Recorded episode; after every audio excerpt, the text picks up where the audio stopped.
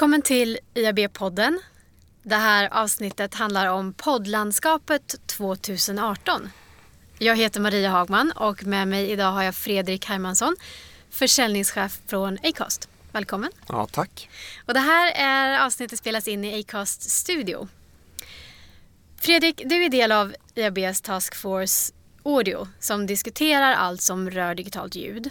Mm. Det finns ju annan ljudmedia men det här avsnittet kommer bara fokusera på, på podcast. Vad är en podcast? Vad är en podcast? En, en, en stor fråga. Eh, och det är väl en fråga som vi också har behandlat i, i taskforcen.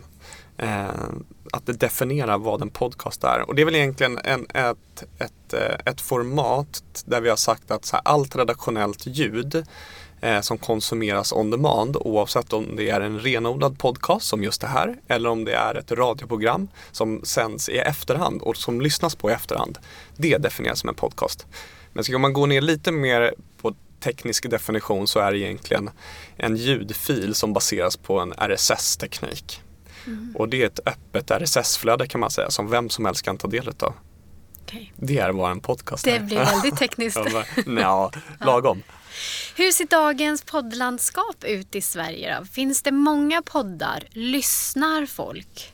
Ja, men gud ja. Ja, men det gör det ju. Ehm, podd är väl, skulle jag vilja påstå, är väl det enskilda mediet som har, som har växt eh, som, som mest egentligen, eh, som enskilt media de senaste tre åren. Eh, vi ser, eh, vi ser ett, ett, eh, en marknad med nästan tusen poddar. Ehm, vilket också innebär att vi har, mer lyssnare än någonsin i Sverige. Eh, tittar vi tillbaka för att nämna lite siffror då så var det 2015 eh, så låg veckolyssnare i Sverige på ungefär 700 000 lyssnare i veckan.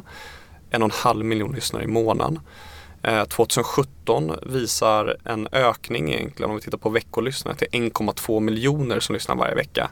Oj. Eh, och månadssiffran är idag uppe på 2,3 miljoner. Så det är klart, det har hänt extremt mycket på väldigt kort tid. Verkligen. Ehm, Vad tror du att det beror på då? Varför, varför vill alla ha en podd? Mm, varför vill alla ha en podd? Det, det, alltså, om vi ska utgå från perspektiven, så här, vi jobbar ju med, de, med, tre ben inom Acast. Så här, vi, vi, har, vi, vi har tre olika typer av kunder som, som vi behöver ta hänsyn till och som vi också tittar eh, på utvecklingen kring. Eh, och det är egentligen utifrån ett lyssnarperspektiv, alltså lyssnarna. Varför börjar man lyssna mer på poddar?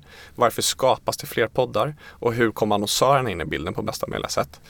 Eh, och tittar man utifrån ett lyssnarperspektiv så tror jag att det handlar om eh, mycket variation. Alltså så här, precis som att vi ser att Netflix och HBO, när vi pratar rö- rörligt, liksom, att det har blivit ännu större. Eh, att man vill som konsument bestämma vad, när och vad vill jag titta på. Och precis samma sak handlar det om när det kommer till att lyssna på ljud. Eh, och vi ser ju samma sak med Spotify, alltså att man bestämmer vad man vill lyssna på, när jag vill lyssna på det. Och där har jag också möjligheten att kunna liksom, hoppa över och inte ta del av reklamen. Men det är en annan fråga. Ehm, men jag tror också när det kommer till, jag tror vi kan dra de slutsatserna också när det kommer till, till podcast att man har, man har blivit lite trött på att lyssna på samma spellistor på Spotify. Och man ser ju att Spotify jobbar väldigt mycket med det också, hitta nya typer av genrer, eh, nya spellistor. Eh, men man blir ganska mättad ganska snabbt eh, och då är podd ett väldigt tacksamt format när man kanske inte orkar lyssna på musik utan att man, man vill ha höra lite- två personer prata. Man vill ha lite mer innehåll istället. Mer innehåll, ja, precis. Mm. mer kunskapsdrivande Så, också så om lyssnarna är mer intresserade av poddar än ren bara musik, Mm. är det då en mer attraktiv marknad för företag eller andra organisationer att få ut sina budskap i? Ja, men absolut, gud ja. Om man kollar på miljön och och vilken miljö man som annonsör hamnar i när man, när man jobbar med podcastreklam så är det ju väldigt unikt på många sätt. Alltså delvis om man kollar på så här konsumtionen, alltså hur Ja. konsumerar man poddar? Då ser vi att den större delen, nästan 90% lyssnar vi via sina telefoner. Mm. Eh, och det innebär ju också att man till större delen lyssnar med, via hörlurar. Så att formatet i sig är extremt intimt och väldigt nära. Mm. Alltså att lyssnarna skapar en relation väldigt nära till, sina, till de som faktiskt eh, eh, skapar podden. Mm. Ehm, och det är ju, det är ju en, en möjlighet för annonsörerna att kunna både använda sig utav, utav profilernas liksom, röster och eh, association och tyngd när de förmedlar ett kommersiellt budskap. På samma sätt som när vi pratar liksom vanlig ljudannonsering, det som man kanske har varit van vid att höra på radion. Som radioreklam Som då, typ eller? radioreklam, men att vi börjar se mer anpassade ljudspottar egentligen för poddmiljön. Eh, där man inte tränger igenom på samma sätt. Mm. Eh, att det liksom, man, inte, man jobbar inte med samma frekvens utan man jobbar inte med några skrikiga röster, man jobbar inte med någon musik. Eh, och det är väl också någonting som särskiljer radioreklam gentemot hur man faktiskt ska jobba med podcast. Att anpassa sig till hur, att man anpassar reklamen till faktiskt det redaktionella innehållet. Så när jag lyssnar på poddar så är det oftast de som spelar in podden som för ut budskapet. Men vad finns det mer för sätt att marknadsföra eller föra ut ett budskap i en podcast? Ja, då är det egentligen traditionell eller ljudannonsering, det man oftast hör via radion. Ja, men radioreklam eller jingel? radioreklam, ja men Ja. precis. Eh, men att man kanske snarare anpassar sin ljudspot då utefter eh, ja, konsumtionsmönstret och att man, man har i åtanke att det är en poddmiljö vi ska, vi ska exponera vårt varumärke i. Eh, men när vi är inne på just det här, när, när du har poddprofiler som förmedlar ett budskap, då finns det två olika sätt att gå tillväga. Det ena är ju att man, att man bränner in eh, budskapet i ett avsnitt och det andra är att man också implementerar det redaktionella sponsorskapet dynamiskt.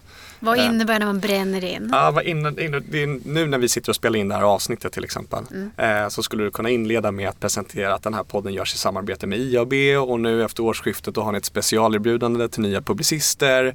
Just nu får man signa upp sig på eh, 9000 istället för eh, 19 000 eller vad det är. Det här borde jag ha koll på egentligen som sitter med i IAB Task Force.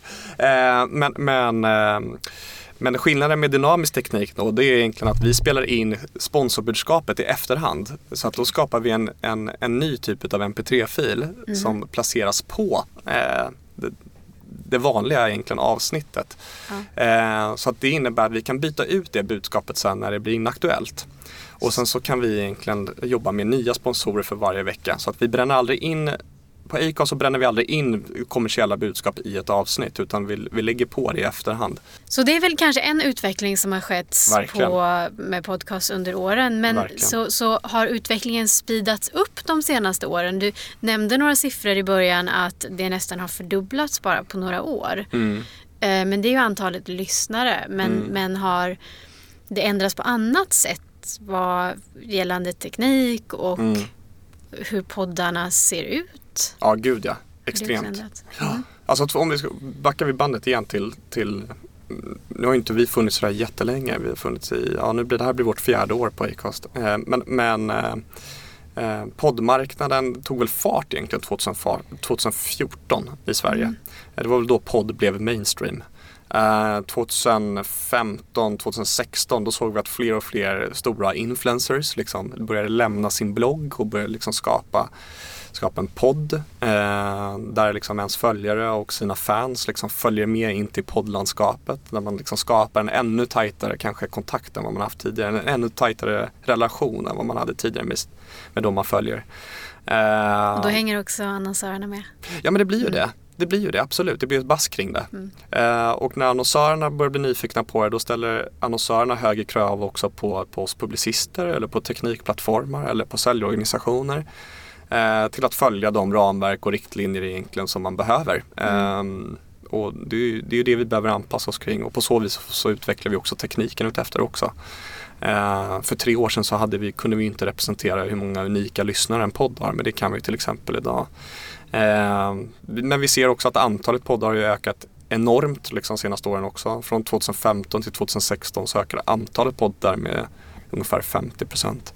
Eh, så att vi har ju mer innehåll idag än någonsin. Eh, vi estimerar väl och uppskattar att vi har ungefär en tusen olika poddshower i Sverige. Eh, vi uppskattar väl att vi har ungefär, Acast står väl ungefär för 80% av de kommersiella poddarna. Eh, Sveriges Radio är en extremt stor aktör.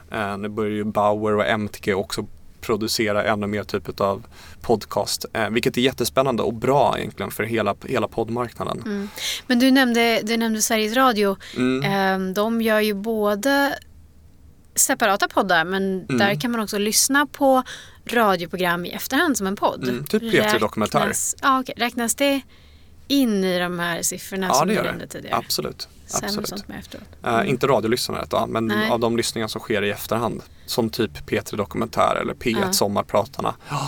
Eh, som är jättestort. Och de är ju säsongsbetonade också. Så att det, de släpper ju inte alltid ett avsnitt varje vecka utan där släpper man lite pö om pö. Eh, Så är poddlyssnandet också säsongsbetonat? Lyssnar vi mer Ja. över jul och nyår på sommaren eller är det? Ja, Jämt. bra fråga faktiskt. Eh, det är många som tror att lyssnandet går upp under, under jul och nyår när folk är lediga och även under sommarperioderna. Men faktiskt inte. Det är Nej, tvärtom. Eh, det går faktiskt ner. Eh, ska vi utgå ifrån våra egna siffror så tappar vi ungefär 30% av lyssningarna under, under sommarperioden jämfört med en, en vanlig vecka nu eh, till exempel. Snart drar, nu efter julledigheterna märker vi också att lyssnandet har gått ner något. Eh, men nu månadsskiftet januari-februari när folk blir sysselsatta och liksom kommer igång med arbetet, pluggandet, liksom, när folk börjar eh, aktivera sig mer, då, då, då sticker lyssnandet iväg. Vad intressant! Ja, För det det påverkar ju också lite kanske vilka slags vilken slags annons man lägger ut. Det är väl viktigt att kunna förstå hur vi lyssnar eller när vi lyssnar Mm. på en podcast för att kunna förstå hur man som annonsör ska kunna använda den. Mm, verkligen. Och framförallt om man ska jämföra, jämföra med andra typer av ljudmedier också. Alltså jag tror ljudmedierna är jättestarka under, under eh, eh, typ sommartid eller under, under, under ledigheterna. Eh, typ som radio. Radio är jättestarkt under sommaren.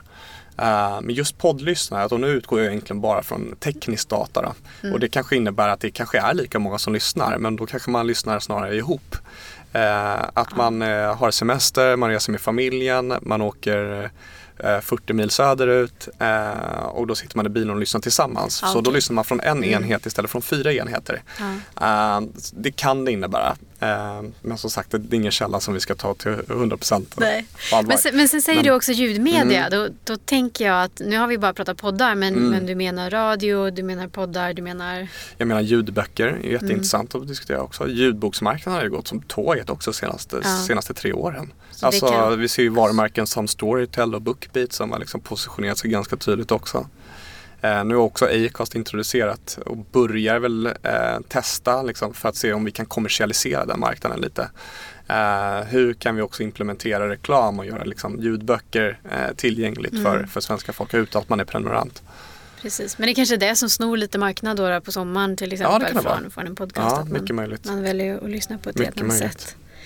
Men så vad kan du se för utmaningar då, då för, för den svenska poddmarknaden Mm. 2018? Ja, utmaning. Eh, vi har inga utmaningar. Jo, det är klart vi har utmaningar. Eh, nej, men, vi, nej, men det, jag tror det är så här, från, från ett ko- kommersiellt perspektiv så handlar det om att sätta fortsatt, liksom, fortsatt utbilda marknaden om vad podcast är och vad det har för genomslagseffekt och vad det tillför i, i, i mediamixen. Eh, Acast i sin helhet, både i Sverige och UK och, och US och även Australien. Vi, det handlar ju mycket om så här, okej men hur ska vi börja tänka in, alltså nu börjar ju ljudmarknaden bli något mer fragmenterad än vad den varit tidigare. Utan när man har tänkt ljudet tidigare, då har man ju tänkt på radio. Ja. Och då har vi haft två aktörer som vi kan vända oss till. Det är Bauer och sen är det MTG eh, som fortfarande är extremt starka när vi pratar liksom, vanlig traditionell radio som är överlägset största räckviddsmedia. Men när vi börjar se en mer fragmenterad marknad i form av liksom allt från Spotify och då pratar vi egentligen bara deras eh, eh, gratisanvändare. Eh, vi på Acast såklart när vi pratar poddmarknaden och andra aktörer som jobbar inom med, med enbart podcast också. Eh, men vi ser ljudboksmarknaderna. Eh, så att jag tror att framtids, framtiden för, för ljudmedier tror jag extremt starkt på såklart. Men, men det gör jag verkligen. Eh, tittar vi även på liksom innehållet som tas fram nu, alltså utifrån poddskaparna, vad är det som funkar i poddvärlden? Alltså lyssnarna vill ha innehållsrikt content. Eh, utbildande fungerar jättebra. Crime-segmentet, alltså när vi pratar eh, typ P3 Dokumentär, vi pratar just det. spår, Karlamarksmordet. Podd börjar få ett helt annat inflytande liksom, i hela media-Sverige. Det är ett nytt sätt typ att ta del av information. Eh, Och lite mer specialintresse än om man bara tänker på att lyssna på radio så får man ju ta del av allting. Med podd kan man ju välja då att jag vill lyssna på det här specifika eller jag söker den här specifika informationen. Ja, exakt. Mm. Verkligen. Du nämnde lite att vi var lite annorlunda mot USA. På, på vilket sätt är Sverige annorlunda? Ja, men när det kommer till teknik och innovation och mätningsmetoder, där lägger vi liksom steget före. Eh, hur har det kommit sig? Hur kan, hur kan lilla Sverige vara lite framåt? Ja, men jag tror just det. Ja. Alltså, vi, vi är färre aktörer. Eh, en förändring en, en, en, förändring i marknaden i Sverige går så mycket snabbare än, en, än att ett, ett, helt land ska ställa om. Mm. Eh, och det har vi ju också sett i våra diskussioner till exempel som vi, som vi har suttit med nu med eh, vår taskforce för digitalt ljud när vi pratar olika valutor och mätningsmetoder. Mm. Då ser vi att det tar ju det är väldigt svårt för en hel marknad med 50 aktörer som ska enas om hur man ska mätas. Eh, och det, det dilemmat har vi inte riktigt i Sverige. Um, men, men eh, i övrigt så ser ju marknaden i USA ut att så här, det är en extrem, alltså volymen i annons, eh, annonspengar i podd är ju uppe på över miljard liksom i spänt. Det är det ju inte riktigt i Sverige än kan man säga. Är det för att de har så många fler poddar eller för mm. att man investerar i poddar på ett annat sätt där? Mm. Jag skulle nog vilja säga att det är en kombination där. Eh, det är mycket mer innehåll såklart. Eh, men det är också större marknad liksom, mm. i antalet människor. Så att det blir ju lättare ett typ av räckviddsmedia i USA än vad det kanske är i Sverige. Även om jag skulle vilja kvalificera podd att det är nu ett räckviddsmedia även i Sverige. Uh, jag tror att man, det är viktigt att hela tiden utgå ifrån att så här, okay, med ljudkonsumtionen kanske inte har utvecklats, att det är fler som börjar lyssna på ljud. Jo, kanske. Men det mm. handlar snarare om hur förändras mönstret, lyssningsmönstret. Och det tror jag vi kommer se en jättestor förändring med när vi pratar traditionell radio också. Alltså när bilarna nu börjar implementera mjukvarorna direkt i, i displayytorna, alltså allt ifrån Tesla till Volkswagen, Volvo kommer där man liksom ger lyssnarna möjligheten att välja på det innehåll som man faktiskt vill. Liksom. Mm. Uh, Alexa, alltså då ja. liksom alla de här ljudstyrda liksom enheterna som börjar liksom mer och mer ta över. Det är extremt intressant. Mm. Liksom. Eh, och det är då någonting händer. Och i och med att liksom jag tror vi, vi är inne nu, 2018 kanske blir skiftet. Jag tror att liksom podd kommer ta en naturligare del i, i mediamixen, vilket vi har, vi har redan sett några exempel på. Eh, men, men, eh, men också och i och med kombinerat eller parallellt med att liksom tv och det linjära tittandet sjunker, tv så står sig fortfarande jättestarkt. Visst, liksom, men ska vi se det i stora drag Eh, så tror jag fler och fler annonsörer bör, om de inte redan har gjort det, liksom ställa sig frågan eh, till de byråer man jobbar med att här, faktiskt ta fram ett ljudmaner. Eh, för det är en extrem räckvidd om du ser till ljudlandskapet och vilken publik man kan jobba med där och på vilket sätt. Så en podcast kan vara ett bra komplement i en kampanj eller ett poddavsnitt eller en Verkligen. ljudannons? Verkligen. Mm. Eh, och där skulle man kunna dela upp det ytterligare. Alltså mm. att man, när man pratar om redaktionella sponsorskap och integreringar där profilerna förmedlar det redaktionella budskapet från sponsorn. Det skulle, kunna, det skulle vi kunna likna med ett redaktionellt samarbete på en blogg eller på ett Instagram, eller det vill säga en associationsrätt. Liksom. Uh, men sen i ljudannonseringen, då pratar vi mer räckvidd. Alltså när vi har ljudannonsering i podcast, då kan man som, som annonsör nå alla som lyssnar på podcast eh, under den här veckan kan jag nå ut med min reklam till. Mm. Eh, så att, eh, och då är det, handlar det snarare om hur, hur utformar vi vår, vår ljudspot, lite som vi pratade inledningsvis, på bästa möjliga sätt i en poddmiljö. Eh, och där har man ju mer liksom digitala eh, möjligheter i form av att man styr på frekvens, man kan styra på geografi, man kan styra mot ett visst poddsegment och det kanske inte ljudmedierna har varit liksom legat i framkant i tidigare. Eh, så att det, det, det är intressant. Vad bra. Mm. Vad är det mest spännande eller vad ser du mest fram emot i poddlandskapet 2018? Oh, eh, bra fråga. Eh, Både för din egen skull och för, för liksom poddlandskapet i, i stort sådär. Nej, men jag tror det här blir vår brytpunkt i år. Eh, ja. jag, jag, tror att eh, just som jag var inne på, det som också är en av våra största utmaningar. Men hur ska podd ta en naturlig del av mediemixen? Hur ska vi bli det självklara valet? Eh, och att man inte som annonsör enbart säger att ah, okay, men nu tar vi fram en ljudspot och sen kör vi bara radio. Utan hur kan vi förlänga, hur kan vi fördjupa, hur kan vi förstärka vår liksom, befintliga kampanj genom att addera till typ Spotify, hur kan vi addera till Acast och, och eh, kanske MTG och Bowers digitala plattformar. Det är superintressant eh, och då har vi tillsammans liksom en, en, en väldigt stor eh, räckvidd att respektera. Absolut. Eh, så det tror jag blir eh, höjdpunkten inför 2018. Spännande. Ja, Ja. jag tror det. Det ska bli jättekul att se hur ni i IABs Task Force Audio också kommer jobba med poddar och Mm. digitalt ljud överlag under 2018. Mm. Eftersom det är så mycket som händer. Mm, Ehm, tack så mycket för att du ville vara med i IAB-podden Fredrik. tack själv. Och tack till dig som har lyssnat. Du hittar mer information om IAB Sverige, våra seminarier, våra taskforces och våra handböcker på iabsverige.se.